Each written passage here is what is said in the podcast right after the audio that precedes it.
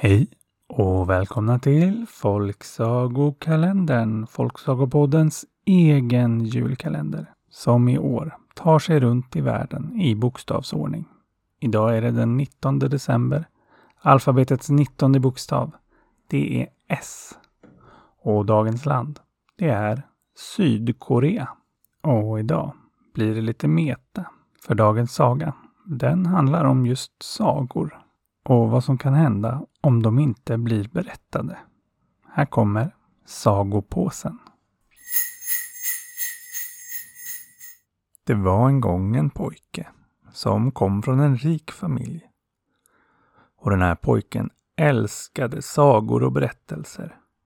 Så varje gång han träffade en ny person så sa han Berätta en saga för mig. Och alla de här sagorna och berättelserna samlade han på sig i en påse som han alltid bar med sig. Men ju äldre han blev, ju fler sagor blev det. Och snart var påsen alldeles knökfull med sagor och berättelser. Och därför var han tvungen att knyta ihop påsen så hårt han bara kunde så att de inte skulle rymma ut därifrån. Ja, för att dela sagorna vidare, det var han inte intresserad av. Han ville bara samla och samla och samla.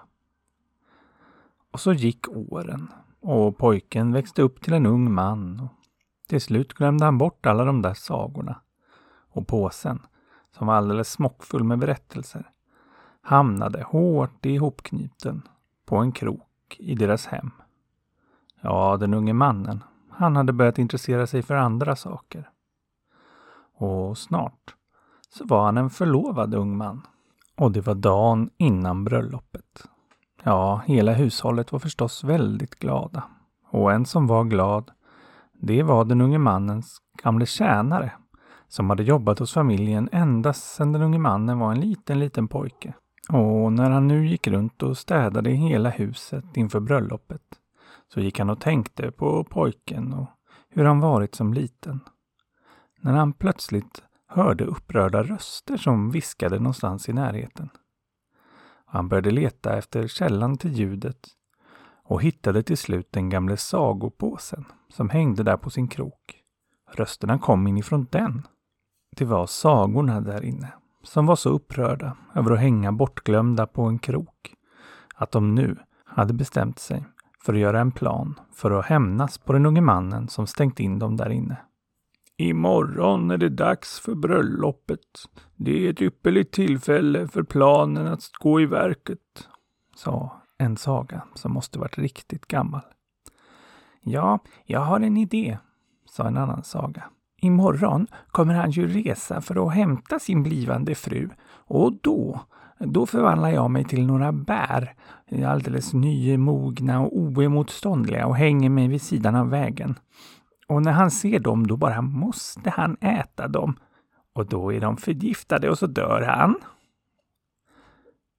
Det var bra, sa en annan saga. Men om det inte fungerar så förvandlar jag mig till en klar, eh, alldeles isande kylig eh, källa med vatten. Och när han åker förbi den, då bara måste han ju dricka av den. Men då är den förgiftad och han dör. Ja, men, ja, men gör då, sa en annan saga. Om, om ni misslyckas, då, då förvandlar jag mig till en, till en glödhet spik. Och så kryper jag in i den där eh, kudden som han alltid ska kliva ner på när han kliver ur sin vagn. Och, och då ja, får han ju kliva på en glödhet spik och få den i foten och, och det kommer göra jätteont. Ja, det var ju också ett förslag, tyckte de andra sagorna. Men om ni alla misslyckas, sa plötsligt en saga långt ner från botten av påsen. Då kommer jag förvandla mig till en hel massa små, smala, alldeles livsfarliga ormar och gömma mig i självaste bröllopssviten. Och när de går och lägger sig som nygifta så biter jag ihjäl dem. Ja, nu jublade hela påsen över den bra planen de hade Den var helt idiotsäker eftersom de hade så många olika steg för att skada den unge mannen som stängt in alla sagor. Men de visste förstås inte att den gamle tjänaren stod där och tjuvlyssnade. Och han, han förstod att det blev upp till honom och rädda den unge mannen.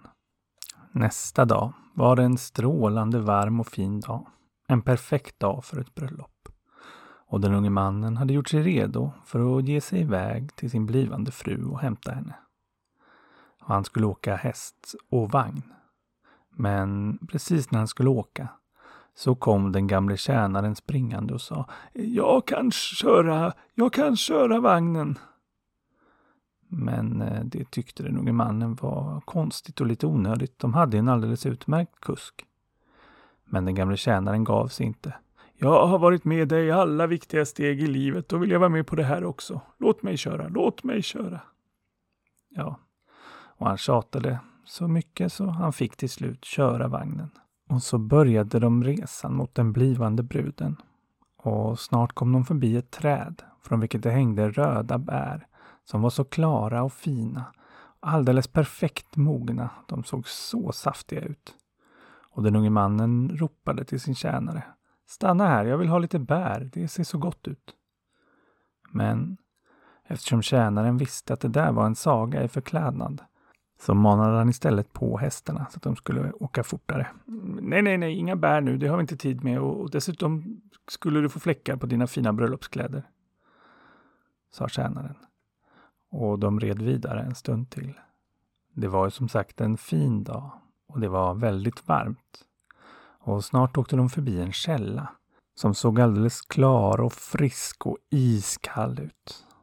Och den unge mannen ropade till sin tjänare Stanna, jag vill dricka, jag svettas i de här kläderna. Men tjänaren manade återigen på hästarna och sa Nej, nej, nej, vi har inte tid att dricka. Du kommer svalna sen när vi kommer in i skuggan där borta. Och de red vidare. Och snart var de faktiskt framme vid den blivande brudens hus. Och det var dags att kliva ur.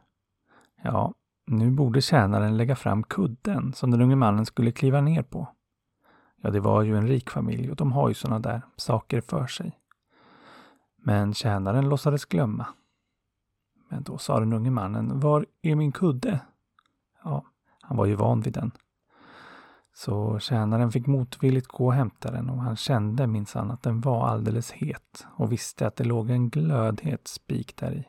Så när han skulle hjälpa den unge mannen ner från vagnen så ryckte han plötsligt tag i hans hand så han ramlade framåt och missade kudden och landade på marken framför. Det här var förstås mycket förnedrande. För utanför och väntade stod hela hans blivande frus familj. Ja, och den unge mannen han blev riktigt upprörd. Nu hade hans gamle tjänare betett sig så underligt och egentligen så ville han ge honom en rejäl utskällning. Men det skulle vara pinsamt framför den blivande fruns familj. Så han lät bli och tänkte att han tar det sen.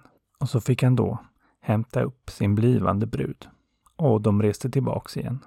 Och den här gången såg tjänaren till att ta en annan väg, så de varken åkte förbi källan eller bären. Inte för att de hade gjort något. Den unge mannen och hans fästmö, de var så upptagna med varandra ändå.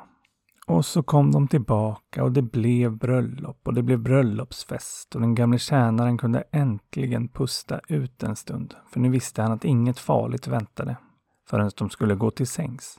Och tjänaren tänkte att han hade lång tid på sig att fundera ut hur han skulle ta itu med ormarna innan dess. Men då glömde han två saker. Det ena, det är att ett bröllop, eller ja, vilken fest som helst, den får tiden att gå väldigt fort. Och är det dessutom en ung man man följt ända sedan han var liten som gifter sig, ja, då får man liksom fullt upp att tänka på det. Och det andra han glömde, det är att det måste vara väldigt uttröttande att gifta sig. För bröllopspar brukar alltid vilja gå och lägga sig tidigt. Och plötsligt så meddelade bruden och brudgummen att nu, nu skulle de krypa till kojs men att festen gärna fick fortsätta. Och då kom den gamle tjänaren på att han glömt att ta hand om ormarna. Och nu var det snart för sent. Så i panik sprang han till vapenskåpet och hämtade det största svärdet han kunde hitta sprang upp till brudparets svit, kastade upp dörren, välte dem ur sängen och slet upp madrassen. Och därunder krälade det hundratals små, mycket giftiga ormar. Och den gamle tjänaren, han började hugga och hacka med frenesi och till slut hade han haft ihjäl alla ormarna utan att varken han, bruden eller brudgummen blivit biten. Och det var väl en himla tur. Och även om brudparet och resten av festen, som kommit för att se vad det var för liv från brudparets sovrum, var väldigt tacksamma över tjänarens heroiska insats, så undrade de förstås hur han kunde veta att det skulle vara fullt av ormar där. Ja, och den unge mannen, han undrade varför tjänaren betett sig så underligt hela dagen. Och därför så fick den gamle tjänaren berätta just den berättelsen du hört nu. Och därför berättar jag den för er. Därför att jag har lärt mig att sagor, de är inte till för att samlas på. De är till för att berättas.